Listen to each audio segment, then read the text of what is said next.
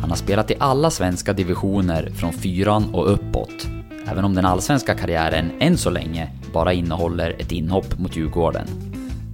I den här intervjun berättar han hur det är att ha Jonas Tern som tränare, hur Simon Tern låg bakom hans övergång till Värnamo och den där gången då han oväntat fick gästspela med det svenska U21-landslaget. I dagens avsnitt av Ettan-podden med mig, Oskar Lund, möter jag Johan Lassagård. Johan Lassagård, varmt välkommen till Ettan-podden. Tack så mycket.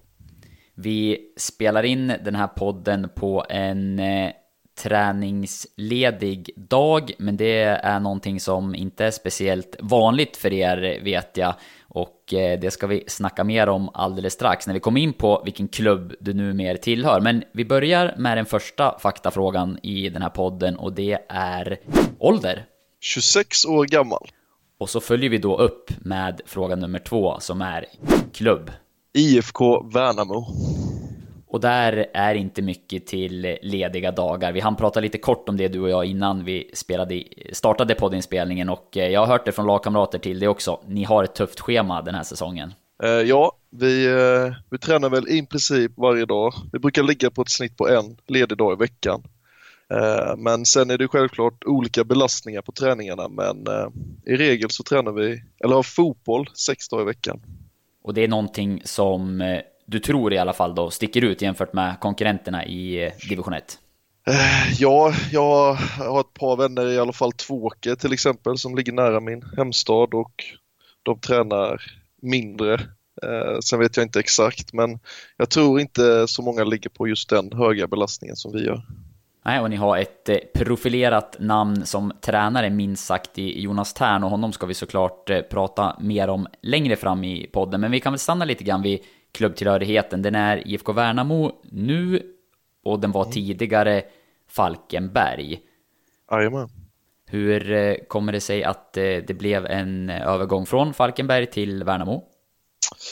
Ja, hur blev det det? Jag, eh, jag skrev på för Falkenberg 2017 där efter att ha spelat i Vinbergs IF i hela mitt liv innan dess. Och det är en ganska naturlig övergång om man är bland de bättre i de lägre divisionerna i Falkenberg där Falkenberg är det största laget i kommunen. Eh, och där jag spelade, jag var med eh, första året där 2017 och spelade ganska mycket tills jag skadade mitt korsband på hösten där. Eh, och sen året efter, 2018, så var jag nästan skadad hela året och eh, det var då avancemanget gick till allsvenskan. Och fick även förlängt och de trodde på mig till allsvenskan 2019 blev det va och eh, jag var med i truppen och så eh, hela våren och fick även hoppa in en match mot Djurgården. 3-0 förlust men eh, sen så eh, var jag väl inte riktigt med i planerna för att kunna få så många minuter. Då tittade jag mig runt omkring för en utlåning. Och då landade det på IFK Värnamo genom bekanta vänner till Simon Tern. Okej, okay, och då, alltså att du är, du är vän med Simon Tern eller kompisar som ni har gemensamt? Ja, precis. Ja, vi har vänner gemensamt där så kom jag i kontakt med Simon och frågade om Värnamo skulle vara intressant för mig. Mm, så han hade då ett eh, finger med i spelet där då helt enkelt till, eh, till pappas lag då så att säga, för det är Jonas som tränare då också när du, när du anslöt till klubben. Ja, precis, precis. Vad var det som lockade med Värnamo då? Äh, från första början så var det väl Jonas Tern framförallt, att han har fått många spelare att kunna bli bättre och, och gjort väldigt många fotbollsspelare bra med. Äh, för Värnamo låg mm, inte riktigt till botten men nästan när jag anslöt dem på den sommaren där. Så äh, det var ett tufft läge för Värnamo och jag pratade med Jonas och det lät intressant och roligt lag så det, det landade i Värnamo. Mm, hur var det att komma in i det där laget då, i det läget som du beskriver? Ja, alltså det är ju när man kommer in så lite, när man har varit uppifrån och, och sånt så är det ju mycket att försöka vara så professionell som möjligt och, och försöka driva in ny energi till laget. Eh, jag har inte bytt lag så ofta innan men det var det jag kände att jag kunde bidra med och vi startade jäkligt starkt där på hösten och, och var med och fightades uppåt istället så det, var, det blev riktigt bra till slut. Ja, då var det som du säger själv en, en utlåning och sen gick avtalet med eh, Falkenberg ut och det blev en permanent övergång. Hur gick ja. Eh, tankarna där när du skulle bestämma dig om eh, nästa kontraktskrivning, nästa liksom permanenta steg i karriären? Eh, ja, alltså egentligen så kanske man hade ju lite anbud från klubbar högre upp, men det var ju samtidigt med så var det mycket om och men och kanske och det enda laget som jag visste verkligen ville ha mig var Värnamo och eh, med dålig speltid i, i Falkenberg och så hade då fått chansen och förtroendet i Värnamo så landade det faktiskt i att jag ville gå till ett lag som verkligen ville ha mig. Så det vägde tyngst. Inledningsvis så pratade vi om eh, få lediga dagar och eh, hård träning och sådär och det förstår jag såklart är ändå av nycklarna kanske till framgången den här säsongen. Vad, vad, finns det mer om du skulle lyfta fram några delar som gör att eh, ni har ja, gjort en så stark säsong som ni har gjort hittills? Vad skulle du nämna då? Ja, vi har, vi har isolerat många delar i spelet som jag tycker har blivit ganska intressant. Både när vi har liksom plockat ut att försvarsdelen har jobbat väldigt mycket ihop och anfallsspelaren har jobbat väldigt mycket ihop där vi kan arbeta i bådas boxar liksom och har kunnat bli bäst i serien där. där vi, jag tror vi har gjort flest mål och vi har släppt in flest, eller minst mål då med. Så vi har isolerat och tränat jäkligt hårt i boxarna. Och utöver det också självklart spelat mycket på session men det är väl i boxarna jag tror vi har varit bäst i serien. Så det är nog det som har tagit oss till toppen. Det är intressant för det tycker jag annars är någonting som det pratas ganska mycket om i, i fotboll. Eh, att, eh, ja men bra mellan straffområdena och det finns eh, numera kanske många lag som har ett stort bollinnehav och är duktiga i passningsspelet men att man har svårt att omsätta det i dels gjorda mål och kanske i vissa fall då även ha problem i eget straffområde. Den här träningen som ni har bedrivit nu, som du beskriver, har du varit med om det tidigare eller är det någonting som eh, verkligen sticker ut i sättet som ni jobbar på? Uh, nej, alltså det är väl mer att jag har gjort det i Falkenberg med, där vi har jobbat ganska mycket, alltså den delen med, men i Falkenberg hade vi väldigt mycket taktiska träningar uh, med liksom man kunde nästan börja, skulle vi spela på lördagen så på onsdagen börjar man redan, okej okay, vi möter Öster eh, till exempel och de har en forward som alltid söker sig tillbaka i stolpen. Då måste vi träna på att vi måste befinna oss där. Utan här har vi mer nästan fokuserat på hur ska vi själva göra i boxen alltid. Eh. Så det har mer varit och sen så har det varit mycket mer tid till det år med. Alltså typ jag som har spelat högerytter ganska mycket, då har jag skjutit istället för 10 skott i veckan från höger så har jag skjutit 100 skott. Och det tror jag har påverkat att vi har kunnat göra ännu fler mål från, i straffområdena. Ja, intressant att, att höra. Sysselsättning? Då kan man väl säga att jag jobbar på en högstadieskola här i Värnamo som skolresurs eh, på förmiddagar och sedan så spelar jag fotboll på eftermiddagarna då. Hur eh, trivs du med det? Jag trivs jättebra med det. Eh, det fungerar bra på bägge hållen med både tider och ja, eh, sysselsättningen fungerar bra med inte så fysiskt arbete utan mer mentalt och hjälpa elever som behöver hjälp med allt från läxläsning till ja, det kan vara allt möjligt. Så det, det fungerar jättebra. Hur, eh, jag tänk, misstänker att det här är en skillnad ändå jämfört med när du spelade i Falkenberg och eh, spelade fotboll på heltid. Hur, är, hur har det steget varit att börja jobba igen då? Det är ju något du har gjort tidigare såklart också innan åren i Falkenberg. Ja. Men hur är skillnaderna där? Att vara fotbollsspelare på heltid fullt ut och som nu kombinera det med ett civilt jobb? Eh, jo, självklart så vill man ju spela fotboll på heltid. Det är ju både drömmen och det, det roligaste. Men eh, just detta fungerar väldigt bra med att ja, jag jobbar ju som sagt inte 100 procent och så det, det fungerar faktiskt väldigt bra. Eh, sen, är det, sen var det väl tufft att inse efter tre år var det väl jag var, vad ska man säga, fotbollsproffs eller kunde leva på fotbollslönen så var det väl tufft att hoppa in i arbetslivet igen men det gick lättare än vad jag trodde. Härligt, och jag vet ju som sagt att du har jobbat vid sidan av fotbollen tidigare och där ramlade jag över en intervju som du gjorde när du gick till Falkenberg, jag tror det var med deras svenska fansida, där du berättade mm. att du faktiskt hade eh, varit en del av eh, bygget av arenan där. Eh, mm. Du får berätta det, ditt tidigare yrke som ledde till att du var och jobbade mitt i vintern.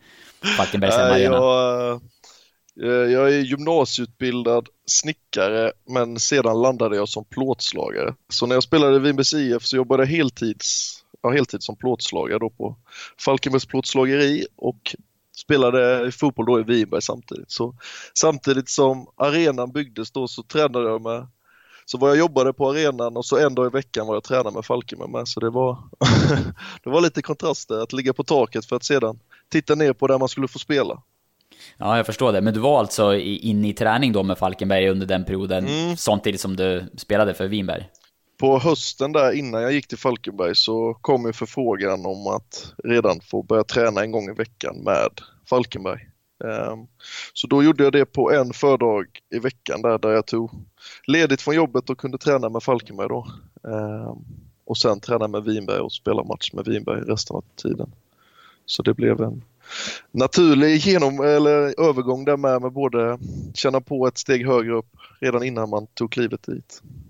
Men du, jag blir ju lite nyfiken då. Jag har ju kanske någon sån här förutfattad mening då att eh, när man gör ett sånt där typ av jobb, om det är en arena eller kanske något, någon annan byggnad, att om man har möjligheten så eventuellt sätter man något litet, eh, ja, någon liten signatur eller något litet minne någonstans när man jobbar. Är det så att du eh, någonstans på arenan har lämnat ett medvetet avtryck under eh, arbetstid? ja, på taket menar du? Nej, ja, men typ. Ja, jag för mig till och med att det var snö och det blåser ju som sagt alltid vid arenan så jag tror inte jag var så sugen på att ta mig de varma handskarna precis då. Så då var det mer att bara försöka jobba sig varm så jag tror tyvärr inte jag har någon signatur på taket. Det har jag inte. Nej, jag köper det. Ja. Du, vi eh, hoppar vidare. Vi lämnar taket och eh, den kalla vintern där. Men eh, ja, du är nog en av få ändå elitspelare som faktiskt har varit med och mer eller mindre byggt då, arenan som du sen eh, spelar på. Så det är hatten av till det.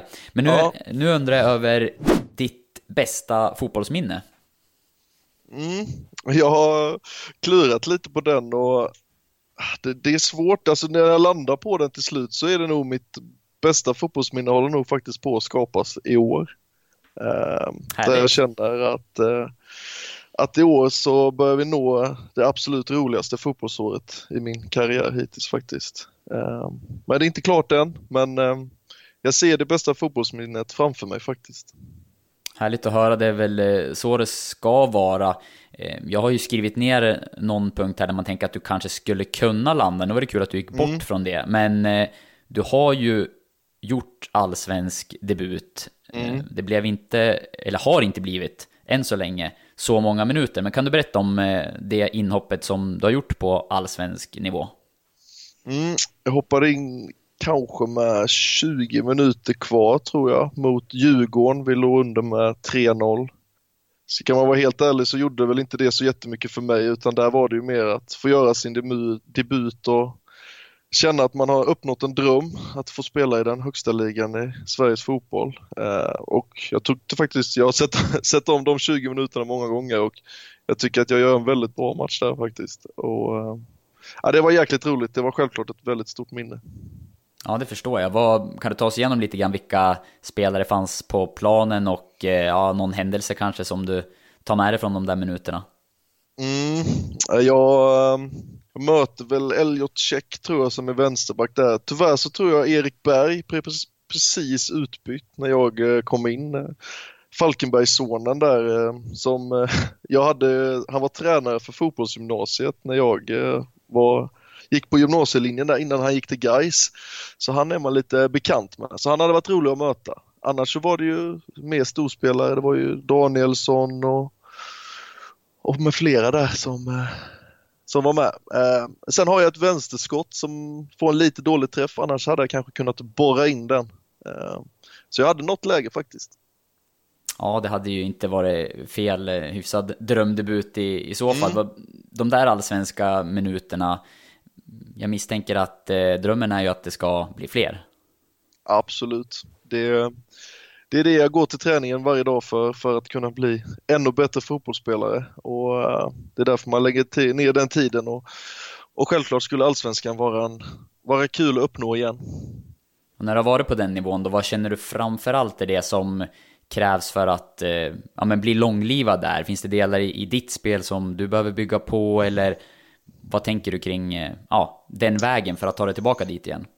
Uh, ja men det tror jag ändå är Alltså, många delar har jag, tror jag, för att kunna spela på den nivån, men det har varit framförallt eh, poängskörden, tror jag. Det har varit ganska kass på det i Falkenberg, om man ska vara ärlig, på att göra mål och framspelningar eh, på den nivån. Eh, och I år har jag uppnått Flashscore säger 8 men fotbollsförbundet säger 7 så där har jag kommit upp i en nivå där jag inte har legat innan och även jag tror jag ligger på en 5-6 framspelningar med så jag har gjort mycket mer poäng i år än vad jag brukar och det, då landar vi väl tillbaka i träningen igen och att den har gett resultat och så det är bara att fortsätta gnugga de delarna så tror jag man blir intressant på den högsta nivån igen om man gör fler mål och fler framspelningar.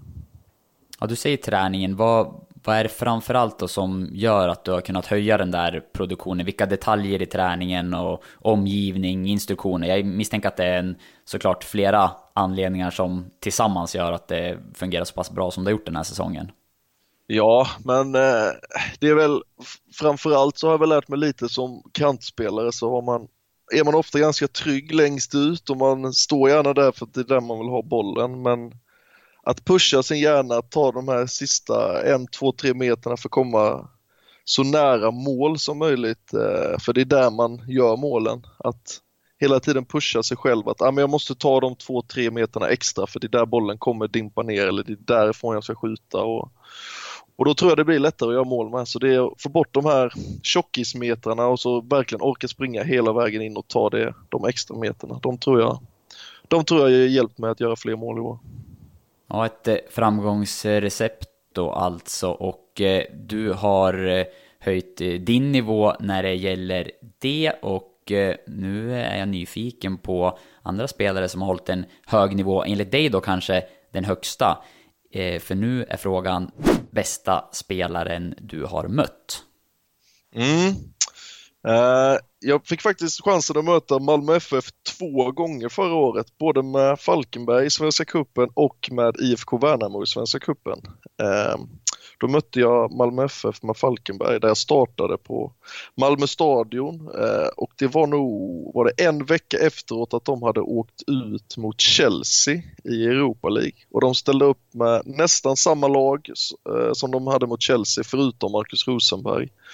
Ehm, så de, de hade jäkligt högt tempo i sig och det, det var nog en av de jobbigaste matcherna jag spelat. Ehm, men då landade jag nog på att Anders Christiansen är den bästa spelaren jag mött. Ja, det är ett eh, rimligt svar. Som dominerar i, i allsvenskan. Vad, vad tycker du framförallt är det som gör honom så pass bra? Äh, men man, han, har en, eh, han har en aura av sig att göra rätt saker hela tiden och även i den matchen så fick han ett läge utanför straffområdet där han bombade upp den i krysset eh, på första läget han får. Så det, det känns som att får han lite för mycket tid någon gång så smäller det direkt. Och det är väl det de gör, de bästa spelarna på den nivån, är att de får de en chans så gör de mål med. Och det, det, det gjorde han. Har du några spelare sådär då som du kanske själv eh, har tittat lite extra på och försökt ta med delar av spelet in i, i ditt eget fotbollsspelande? Ah, ja, alltså det är alltid svårt det där att jämföra sig med andra spelare men sen så finns det inte så många högeryttrar kvar som eh, är högerfötter. Oftast vill tränare ha felfotade spelare på kanterna. Uh, så jag vet inte men om man landar på Berget och sådana i Malmö FF så är de, de är rätt tuffa kantspelare som, men de är också väldigt bra på att ta sig in i boxen och göra mål i boxen så det är väl där man kan landa igen, att de tar sig hela vägen in, där målen görs. Ja, det var några skickliga spelare som då ställts emot. Om jag vänder på den här frågan lite grann då och undrar över bästa spelaren du spelat med, hur mm. låter det då?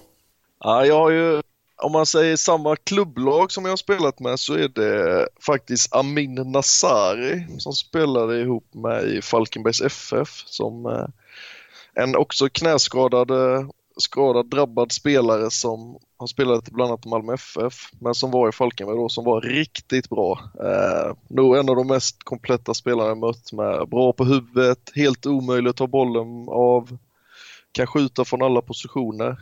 Eh, men sen har jag också 2017 när jag spelade i Falkenbergs FF så var U21-landslaget där på en samling och de behövde spelare.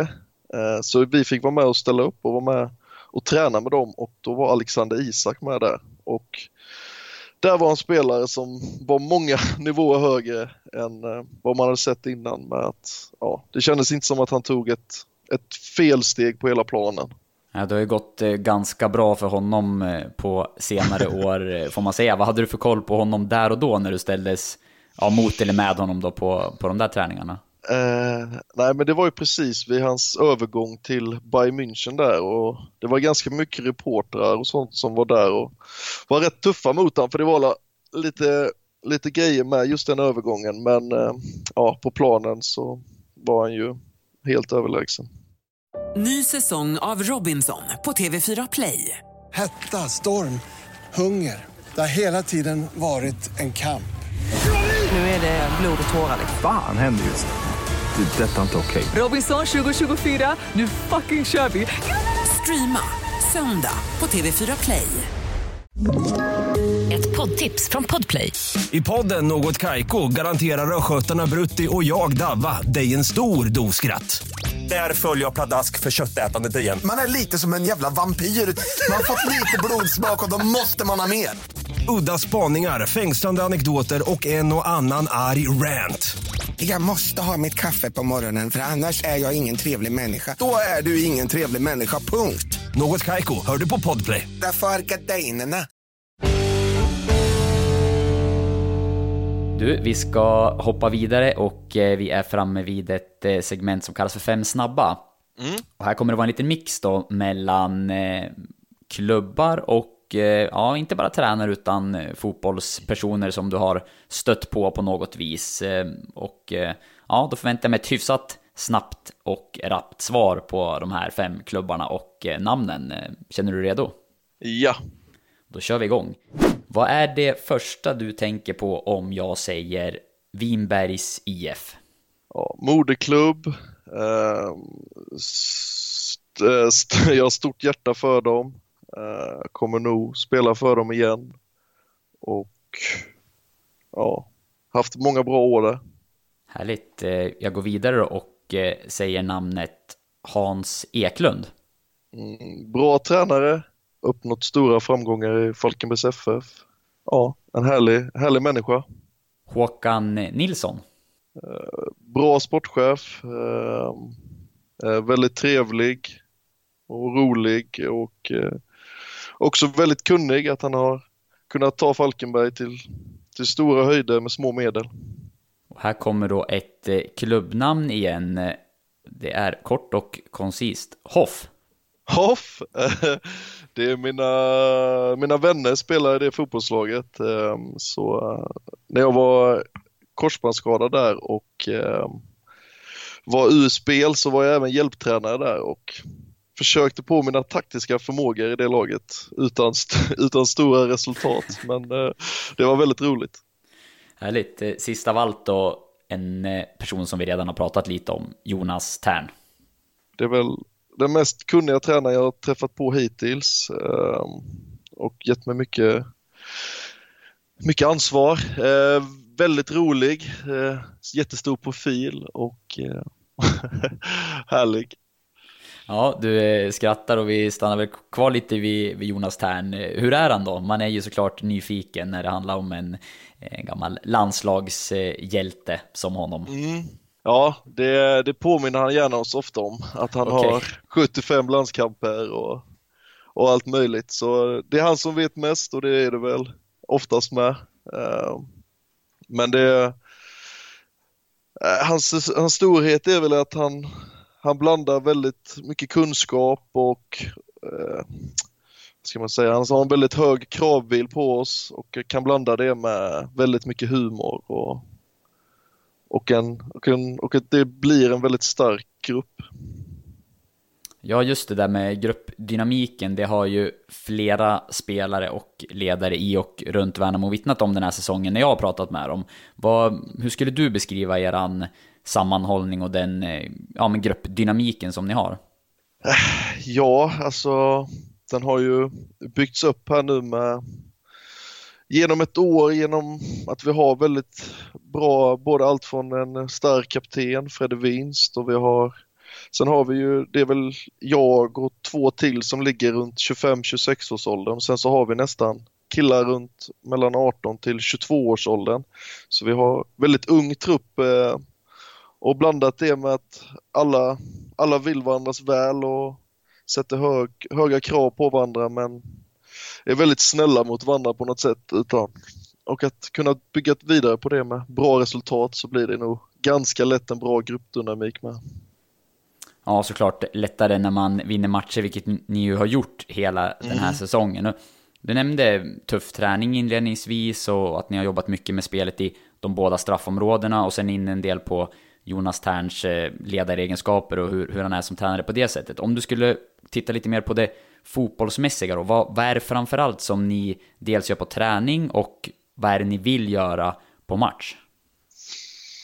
Ja, alltså det, det jag har lärt mig också från Jonas Tern, det tyckte jag var rätt intressant med, med, med, possession, varför man ska ha possession och varför man vill ha bollen så mycket som möjligt. Och ibland om man har kollat om man, när man var yngre i alla fall så tänkte man att ja, men det gör man mest för att det ser jäkligt snyggt ut och det är, det är, ja, och det är jobbigt för motståndarna. Men hela grejen som jag har lärt mig i år i alla fall och säkert många fler är att därför vi vill ha bollen så mycket som möjligt är ju för att vi ska skapa så många målchanser som möjligt. Eh, och desto mer gånger man har bollen och, och så, så kan man ju på så sätt förvalta dem så fort som möjligt till målchanser och så sätt och desto fler målchanser så har vi större chans att göra mål och det är det vi har gjort i år med. Och då blir det att vi försöker få liksom possessionet till att det ska bli målchanser istället för bara liksom lira runt om man säger så. För det är väl någonting som är ganska så lätt att, att hamna i annars. Det är i alla fall bilden jag har om man tittar på en del lag också, att det är ganska många nu som ja, men ändå eftersträvar att ha mycket bollinnehav och kanske också lyckas med det. Men sen just det där att få det till en slutprodukt, det är väl mm. den svåraste delen. Ja, så är det ju. Det är ju det, är det svåraste i fotboll, det är ju att, att göra mål liksom. Det, så är det ju. Och, och det är väl just det vi, vi tränar väldigt mycket på, att, då, att få liksom possessionet, possessionet att bli målchanser och farliga målchanser med. Att vi har väl nästan skalat bort helt att slå inlägg i höjden. Liksom. Det har vi nästan helt tagit bort för det, det är så liten sannolikhet att vi gör mål. Både för att de spelarna som har spelat det fram är rätt kassa på nicka jag är en utav dem. Så vi försöker hålla bollen så lågt som möjligt och försöker skapa målchanser därifrån. Där tror vi vi kan göra mer, fler mål. Det spelet som ni bygger nu då, eller har byggt under den här säsongen, hur tror du att det skulle stå sig om ni eh, tar er upp en nivå och eh, spelar i Superettan? Den, den fotbollen som ni spelar just nu, hur skulle den passa på ännu högre nivå i svensk fotboll? Jag tror faktiskt att vi hade blivit ännu bättre i, i Superettan för att egentligen så skulle jag nästan säga att vår absolut, absolut största eh, styrka är att vi är extremt starka i vårt kontringsspel. Eh, och det är där vi har gjort väldigt många mål med. Ja, intressant och vi får väl kanske svar på det där eh, nästa säsong. Förstå att det är i alla fall vad ni hoppas och eh, siktar på. Vi eh, ska gå vidare Absolut. med en ny faktafråga och eh, nu undrar jag över personen som har betytt mest för dig i din fotbollskarriär. Ja, eh, då får jag väl nästan landa på Jonas igen eh, på grund av att han har väl fått ut det bästa av mig hittills i alla fall på Ja nu spelar vi inte riktigt på elitnivå även fast ettan. Det är väl semi-elitnivå kanske men eh, hittills har jag väl gjort min bästa prestation på, på, så, på så hög nivå som möjligt har jag gjort det i Värnamo. Och då får jag nog landa att just tränarmässigt så har nog Jonas lyckats bäst med det. Eh, sen även mina tränare i Vimes IF där, eh, eh, Peter, Berta och eh, Janne Bengtsson var tränare för det seniorlaget i många år. Uh, har fått mig att bli en mycket bättre spelare med. Så, så, så ligger det till, skulle jag vilja säga. Ja, du nämnde ju tidigare lite grann hur du kom till Värnamo, att eh, Simon Tern hade ett eh, finger med i spelet där också. Om vi går in lite mer detaljerat på, hur gick det där till? Nej, det var mer att jag eh, ville ha hjälp av att titta om det finns något lag runt omkring som skulle kunna erbjuda mer speltid eller någon som skulle vara intresserad av mig. Och då snappade Simon upp och sa att det fanns en, fanns en plats för mig i IFK Värnamo om, om det var intressant. Och, och, jag, och jag litade ganska bra på Simon och Jonas när vi pratade innan, innan till och då fall valet där med. Är det någonting speciellt i, i ditt fall och rent personligen som Jonas Tern har gjort som gör att du lyfter fram honom ändå som den, som den viktigaste personen? Vi har ju hört en del om hur ni jobbar och sättet ni spelar på och träning och sådär, men finns det någonting just eh, personligen mot dig, i samtal ni har haft eller detaljer i ditt spel där ni har jobbat tillsammans och eh, ja, som har lett till att du har lyckats eh, få ut allting den här säsongen? Oj, eh, nej, alltså det är väl, det är väl också en, liksom en, en helhetsbild liksom och, och mycket tror jag det handlar i och man får ett ansvar och även får ett förtroende eh, av att man ser på någon att han verkar tycka att man är bra liksom och har kunnat bygga vidare på det och, och med det kunnat då med förtroendet kunna prestera ännu bättre. Så det är väl egentligen, sen är det väl självklart en, en stor bild men eh, just förtroendet är det väl det man landar i. Ja, och vi går från en person som har betytt eh, mycket till eh, någonting annat där du ändå ska få blicka tillbaka på karriären som den har varit hittills och lyfta fram måste inte bara vara en händelse utan eh, på den här punkten får det gärna vara flera och det jag undrar över det är en märklig händelse du varit med om under din fotbollskarriär en bred fråga som kan mm. Eh, innefatta det mesta, men du får väl leta lite grann i, i minnet och se om det är någonting udda som dyker upp helt enkelt. Mm. Jag, jag kommer på en märklig slash rolig händelse var när vi spelade Gotia Cup med vårt eh, Vinbergs IF-lag då som, som var väldigt bra. Där vi, vi vann våran grupp och kom till avslutspel och vann första matchen där med, jag tror typ 12-0. Eh, och vi får möta Brescia i ja, typ åttondelsfinal då. Vi ska möta dem på Heden, eh, jag tror det var tidigt, kanske klockan sju eller åtta på morgonen och kommer dit och jag tror vi var 13 då och vi möter ett lag som är helt fullvuxna. Alltså, de var större än min pappa redan då. Eh, och eh, vi förlorade den matchen med 8-1 vet jag och eh, det var det enda lag, det var det enda målet Brescia släppte in i Gothia Cup det, det året som de också vann då. Ja, det lät som en, en tuff utmaning helt enkelt. För tufft uppenbarligen. ja, eh, så det är väl en märklig slash rolig händelse som jag kommer ihåg och det är även från den Brescia-akademin som vi mötte där som till exempel spelare som Andrea Pirlo kommer ifrån. Jag har faktiskt inte kollat om det är någon från det laget som vi mötte som spelar toppfotbollen idag men eh, de var väldigt bra väldigt tidigt i alla fall. Ja, du borde nästan eh, bläddra tillbaka och leta rätt på någon laguppställning mm. eller något eh, matchprogram därifrån och se om kanske är någon som befinner sig på högsta nivå just nu. Mm. Mm. Ja, en eh, stor förlust i Gothia Cup då helt enkelt på märkliga händelselistan. vi, om du inte vill lägga till något mer så hoppar vi vidare till nästa faktafråga. Ja, men det gör vi. Och då undrar jag över, då mådde du som bäst? Och då får jag nog ändå nämna att det var nog när jag kritade på för Falkenbergs FF och eh, blev eh, heltids fotbollsspelare. Det var ett väldigt stort ögonblick för mig att eh, kunna gå in i ett nytt år och satsa helhjärtat på fotbollen. Det, då kommer jag ihåg att då, då mådde jag väldigt bra. Och då gick du från division 2, eller hur? Ja. Hur var det till att... superettan. Ja, hur var det att ta det steget då? För det är ju, det är några hack upp och det är upp på riktig elitnivå med träningsdos och kvalitet och allt vad det innebär. Hur, hur tog du det steget och hur var det? Ja, men jag tyckte det flöt på ganska bra ändå. Eh, du har ju mer tid att återhämta dig och, och, och vila och, och liksom resurserna runt klubben är ju självklart bättre än en division 2-klubb så det, det tycker jag väl eh, gick ganska smidigt. Men sen är det ju det här med oftast erfarenhet och sånt eh, som man ligger lite lägre och man måste försöka samla på sig så fort som möjligt.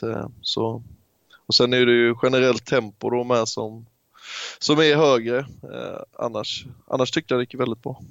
Du har ju en eh, erfarenhet av olika divisioner som inte så många har. Du har spelat i fyran och trean, mm. tvåan, eh, ettan, superettan och allsvenskan. Ja. det är ju eh, kanske, kanske inte unikt, jag vet inte, men det, det, är i alla fall inte många som har känt på alla de divisionerna. Vad, om du skulle beskriva, liksom, vad är de största skillnaderna när man går upp en eller ett par divisioner? Hur, vad är det framförallt som skiljer nivåer i de olika serierna i svensk fotboll, tycker du? Nej, men det är ju framförallt eh, alltså det är tempo, alltså hur fort saker och, och ting går liksom. Eh. Hur fort eh, folk löser situationer och hur snabba folk är och, och det är väl själva den biten som är, som är den största skillnaden. Sen så kan ju liksom det finns ju folk i division 2 som säkert skjuter bättre än, äh, än folk i allsvenskan eller bättre på bägge fötterna i division 2 än allsvenskan men inte klarar av själva tempot och, och så det, det är väl det. Det är väl det som är den stora skillnaden.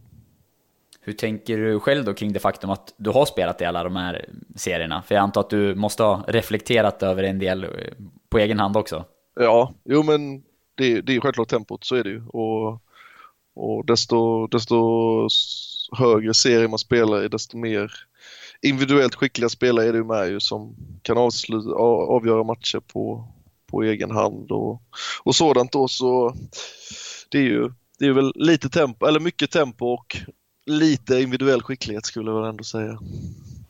Om man tittar lite extra på just division 1 då, som är serien som eh, vi avhandlar i eh, den här podden. Vad är unikt mm. för division 1-fotbollen i Sverige? Vad sticker ut med den serien om du jämför den både med superettan och allsvenskan uppåt, men även serierna under där du också har varit verksam? Vad tycker du är liksom division 1 eh, grej eller som är unikt med den ligan? Ja, men det som i år tycker jag det är väldigt unikt med hur många lag där som alltså faktiskt försöker bedriva egna passningsspel och har mycket idéer, har mycket fart. Eh, om man säger för tio år sedan så kanske ens fördomar sa att det var mycket fotboll, mycket fysiskt eh, och, och hela den grejen. Så det tycker jag absolut inte det utan det, det är väldigt bra fotboll i division 1 eh. och folk försöker verkligen att, att spela så bra fotboll som möjligt. Och, och sen så division 1, det är ju många, det är många spelare som har spelat högre upp och, och så, så att det, det, jag tycker det är väldigt hög kvalitet på division 1. Det, det finns väldigt många bra spelare. Men sen är det väl att de här sista individuella skickligheterna som kanske inte alla lag har, en, eh, en sån spelare som är riktigt, riktigt bra. Som de flesta superettanlagen har då. Det är, väl det, det är väl det det landar i så fall. En skillnad eh, som jag tänker på sådär lite kring eh, förutsättningar och ja, som för din egen del att du kombinerar ju jobb nu med fotbollen, vilket du inte mm. gjorde i Falkenberg i Superettan och, och Allsvenskan. Hur stor skillnad är det där att eh, behöva arbeta vid sidan av fotbollen och hur mycket påverkar det hur hårt man kan satsa på sin fotboll? För som du nämner så, ni tränar ju fortfarande väldigt hårt i Värnamo även om eh, många jobbar då vid sidan av fotbollen. Men eh, alltså samtidigt med så tror jag alla i Värnamo vill ju bli bättre. Så känns det som hela gruppen att alla strävar efter att bli bättre och få spela, spela på en högre nivå. Eh, och då går alla med på samma tåg där med att vi tränar så mycket som vi bara kan. Eh, och sen jobb upp till, oftast, oftast så stör det inte så jättemycket nu med att vi tränar eftermiddagar om man jämför med Falkenberg då så kunde vi träna dubbelpass då både förmiddag och eftermiddag. Eh, men sen är det ju ofta det tuffa med jobbet är ju när man, om man spelar i Superettan, är ju med resor och dylikt. Eh, nu har vi haft några veckor Eh, veckomatcher där man kanske kommer hem klockan ett och eh, ska försöka somna, eh, kanske efter en förlust eller om man ligger och tänker på den så är det ganska svårt ibland att komma upp 07 där igen efter kanske ha somnat vid tre eller någonting. Så det är väl det som är det tuffa och har man då en bussresa till typ Umeå eller någonting så kan det vara jäkligt tufft att gå till jobbet dagen efter. Ja, det är eh, lätt att eh, förstå, men eh, det, du känner ändå liksom att det går ju att bedriva en ja, hög nivå på träning och ha en hög träningsdos kombinerat ändå med civilt jobb helt enkelt. Ja, eh, om, man, om man ligger på ett jobb på ungefär 50-60 procent tror jag i alla fall. Det är, jag tror det är jäkligt svårt att bedriva 100 procent plus spela på den nivån vi gör. Eh, då tror jag det är svårt att få ut max. Ja, vi eh, hamnade ju här genom frågan när du mådde som bäst och eh, då kommer ju också frågan från mig. När mådde du som sämst? Det måste ha varit när jag drog eh, mitt främre korsband på en träning i Falkenberg då. För, och då var detta 2017 ja. Och för då kände jag väl nästan att då var jag väl som bäst. Jag hade riktigt hög fart i mig och hade bra form och hoppades väl på att jag skulle få starta några matcher där på slutet och kände att jag var riktigt på gång. Eh, och då skadade korsbandet på en träning, kändes jäkligt surt och visste vad som var framför mig och ja, att man förmodligen inte kommer bli lika snabb och så efter det. Så det var tungt besked. Kan du ta oss igenom då en sån eh, process du fick Eh, skadan och eh, hur gick eh, rehabperioden? Vad, vad gjorde du och hur mådde du under den tiden? Eh, framförallt så gör det ju väldigt ont. Eh, svårt, att, svårt att gå och sen så är det alltid en rehab innan man opererar sig för att man ska få så bra effekt av rehaben även efter operationen. Eh, och jag, jag tog hjälp av både Falkenbergs medicinska team plus eh, Simon Baku i, i Halmstad där som är väl Sveriges bästa på knä eh, och har fått väldigt mycket hjälp av Simon framförallt då med, med träning och, och pushning eh, som gör det väldigt mycket lättare för en. Eh, sen är det ju det är tuffa steg med allt från att inte kunna gå till att inte, sträcka, inte kunna sträcka på knät till att till slut få springa småtrippar till att få röra en boll igen. Och det finns många stadium som är, som är tuffa att besegra men det är skönt när man är i mål. Ja, hur är det då att eh, bli utanför laget så att säga. För som fotbollsspelare så man går till omklädningsrummet och tränar tillsammans och är ute på planen och sådär. Som skadad då är det ofta en annan vardag med rehabträningar och kanske någon annanstans till och med och sådär. Hur, hur påverkade den delen dig att inte där och då vara en, en del av ett lag på samma sätt?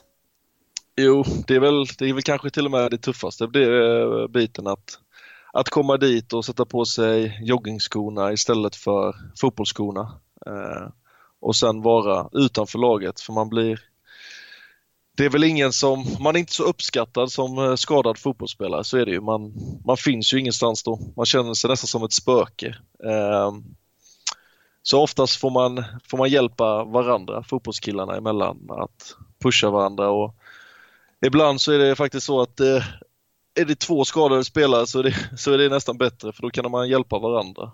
Ehm, men ehm, en, en skadad fotbollsspelare står oftast inte högt i kurs och man faller eh, lätt ur ramen där. Hade du någon att vända dig till då under den här perioden? Var ni flera skadade spelare eller fanns det någon utanför den där gruppen som du kunde ta hjälp av?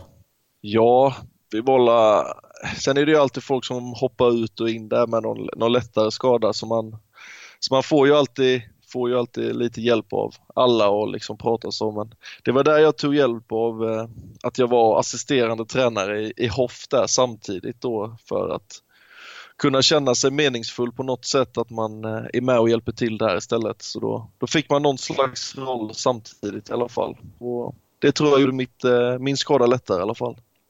Ja, du klev in som eh, assisterande tränare där. Vad, vad var det för lag som du kom till och hur kom det sig att du, att du kom in där?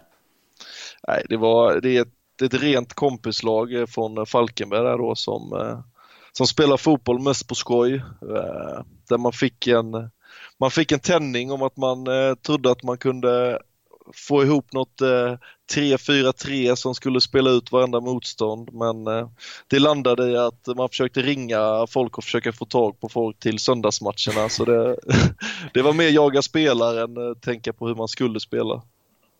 Ja, men, eh, men du trivdes i alla fall? Ja, det var jätteroligt. Hur eh, går det för eh, det där gänget idag då? Ja, de kom tvåa i sin division 6-serie så de missade avancemanget uppåt tyvärr. Ja, tråkigt att höra, men det, det går ju nya tåg. Ser du dig själv, när vi pratar tränarskap, då kanske inte på, på den nivån, utan kanske högre upp. Är det någonting som, som lockar dig i, en, ja, i ett längre perspektiv? Eh, ja, absolut, det tror jag. Det, det tror jag skulle vara jätteroligt att få vara tränare eller kanske mot sportchefshållet någon, eh, någon dag. Eh, så man, man försöker samla ihop de, de bästa bitarna av de tränare man har och har haft. Så det försöker man lägga på biblioteket så man har mycket att ta fram sen. Ja, det gäller att eh, samla på sig. Vi är framme vid den sista faktafrågan och den handlar ju om framtid, men Eh, jag tror att eh, just det här tidsperspektivet är ju förmodligen alldeles för kort för att du ska vara inne på en eh, tränar eller sportchefsbana. För frågan den lyder, där ser du dig själv om fem år? Och precis som du säger så, så känner jag mig absolut inte färdig med, med att spela fotboll själv ännu utan jag känner att jag har väldigt mycket i mig kvar och det känns som att jag har blivit bättre och bättre för, för varje år och känns som att jag kan bli ännu bättre med så, så förhoppningsvis inom, ja, om de här fem åren så har jag i alla fall spelat i Allsvenskan igen. Det, det är väl min målsättning inom de här fem åren. Härligt, och då får vi följa upp den där ledarkarriären kanske ännu längre fram. Men om vi pratar Värnamo och framtid, vilken potential finns det i den klubben, ser du, som har varit på allsvensk och superettanivå tidigare? Jo men det tycker jag är väldigt hög eh, potential eh, med, eh, med liksom lugnet runt föreningen. Eh, Alltså vi har, vi har de flesta verktygen tror jag för att kunna bli ett, ett bra superettanlag om vi skulle kunna ta oss så långt. eh, Och de har, känns som att det, det har kommit in bra spelare varje år och, och även underifrån ser det bra ut så att Värnamo har väldigt, väldigt stor potential med, med många olika verktyg i sin verktygslåda tycker jag. Ja, det ska bli spännande att följa både Värnamo och eh, dig personligen framöver Johan. Stort tack för att du ställde upp i Ettan-podden och såklart stort lycka till med resten av den här säsongen och eh, framtiden. Tack så jättemycket. Du har lyssnat på en podcast från Expressen. Ansvarig utgivare är Klas Granström. Ny säsong av Robinson på TV4 Play. Hetta, storm, hunger. Det har hela tiden varit en kamp. Nu är det blod och tårar. Fan händer just nu. Det. Detta är inte okej. Robinson 2024, nu fucking kör vi! Streama söndag på TV4 Play.